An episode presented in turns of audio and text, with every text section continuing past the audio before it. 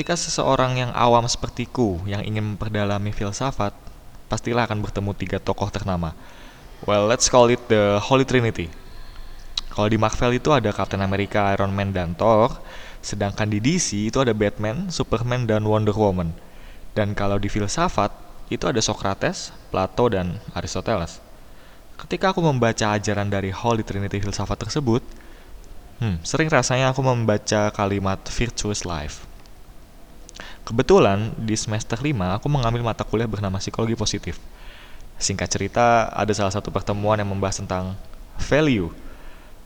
Well, sekarang aku mikir kalau value dan virtue itu hal yang sama. Tapi pastilah itu sesuatu yang berbeda. Ya, karena hurufnya aja beda. So, what's the difference? Setelah mendapatkan segala referensi yang bisa aku baca, aku mendapatkan kesimpulan bahwa kedua hal itu berbeda. Dan aku tahu perbedaannya. Aku akan taruh referensi bacaanku untuk membedakan kedua hal ini di show notes.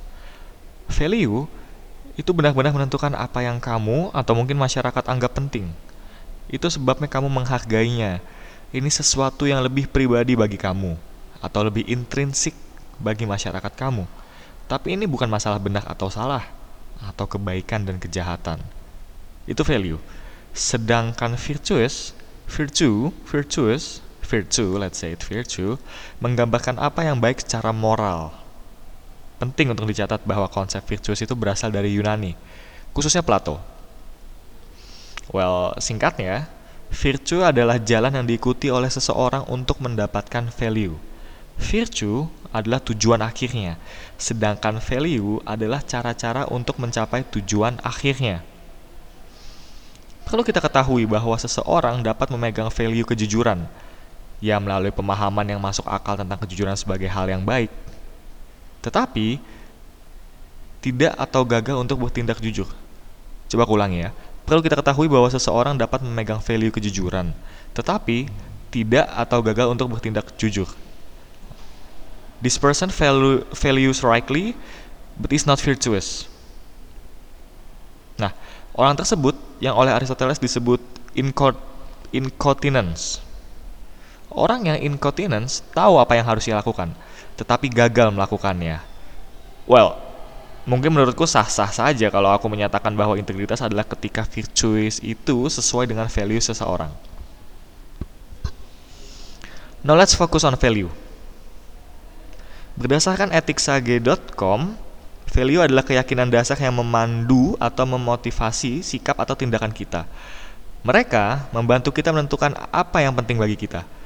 Value-value ini menggambarkan kualitas pribadi yang kita pilih untuk dipadukan atau dicampurkan embody ke setiap tindakan kita. Ke setiap, maaf, ke setiap tindakan kita, tipe orang yang kita inginkan, cara kita memperlakukan diri sendiri dan orang lain, dan interaksi kita dengan dunia di sekitar kita ya kayak value itu juga memberikan general guidelines atau pedoman untuk pedoman umum untuk melakukan sesuatu. Nah, pada awal 2000-an, sesuatu yang inovatif terjadi dalam ilmu sosial. Ilmuwan, ilmuwan sosial menemukan bahasa yang sama dari 24 kekuatan karakter yang membentuk tentang kepribadian kita. Well, let's say kekuatan karakter yang terbaik tentang kepribadian kita. Setiap orang memiliki semua 24 kekuatan karakter dalam derajat yang berbeda. Sehingga setiap orang memiliki profil karakter yang benar-benar unik. Setiap kekuatan karakter berada di bawah salah satu dari enam kategori virtue yang banyak ini, virtue yang luas ini, yang bersifat universal lintas budaya dan bangsa.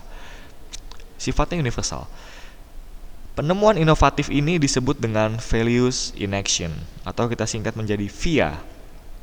Untuk mengetahui dalam tanda kutip kekuatan terbesar kamu, kamu bisa mengambil survei ini di viakarakter.org yang akan aku taruh di show notes. Dan survei ini gratis dan hanya memakan waktu 15 menit atau kurang dalam pengisiannya. Yang menarik lagi, VIA ini sudah diterapkan oleh negara Singapura dalam sistem pendidikannya. Mereka mendefinisikan values in action sebagai pengalaman belajar yang mendukung perkembangan siswa untuk menjadi warga negara yang bertanggung jawab secara sosial, yang berkontribusi meaningfully kepada masyarakat melalui pembelajaran dan penerapan nilai, pengetahuan, dan keterampilan. Masih ada yang lebih menarik. Di tahun 2019, World Economic Forum atau WEF mengeluarkan daftar peringkat negara paling kompetitif di dunia. Dalam laporan tersebut, Singapura terpilih sebagai negara terkompetitif dalam The Global Competitiveness Report 2019 pada lembaga itu. Berdasarkan laporan WEF, Indonesia berada di peringkat ke-50. Nah, Singapura itu terpilih sebagai negara terkompetitif loh, berarti peringkat nomor satu. Well, mungkin dengan mengetahui kekuatan terbesar kita, dengan mulai dari diri kita sendiri, hal itu juga bisa bermanfaat bagi negara kita. Ya, seperti Singapura. Kita bisa kita balik lagi ke value. Ya, tapi sebenarnya memang tadi bahas ke value sih.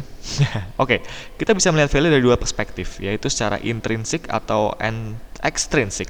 Well, intrinsik diawali dengan kata in yang berarti di dalam. Berarti value intrinsik adalah pusat dari etika atau value yang di dalam diri kita atau kepenting untuk kepentingan diri kita sendiri. Value intrinsik itu bagian esensial ketika kita menilai tentang moral. Nah, kalau kaum konsekuentialis, konsekuen berasal dari kata konsekuen, mereka itu menilai moral berdasarkan konsekuensinya. Intrinsic value itu mempengaruhi kewajiban yang berupa konsekuensi dari perilaku seseorang. Well, oke, okay, tadi aku nyebut etika, nyebut moral segala macam. We'll talk about it in another, episode ya. Dan perspektif selanjutnya itu extrinsic. Bisa dikatakan kalau perspektif ini adalah antonim dari perspektif intrinsik. Value secara extrinsic itu dipandang sebagai sesuatu yang diberikan atau diantar. Value ini baik bukan hanya untuk kepentingan sendiri tetapi juga bagi hal-hal lain yang berkaitan di luar diri kita sendiri. Value extrinsic ada untuk aksi atau penilaian yang menghasilkan suatu kepuasan bukan hanya bagi si pelaku tapi juga bagi si penerima keuntungan atau si penerima dampak. Nah, untuk menutup episode kali ini, aku akan bertanya satu hal kepada kalian. Apa hal atau kegiatan yang sangat kalian nikmati tapi tidak sering atau bahkan tidak pernah kamu lakukan lagi sampai saat ini?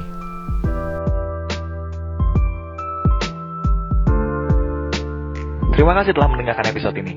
If you have some favorite quotes dari episode ini, bisa langsung tweet atau snapgram quotes favorit kamu dengan hashtag chillboyshow. Atau menurutmu ada orang yang perlu mendengarkan episode ini, silahkan klik tombol share atau bagikan.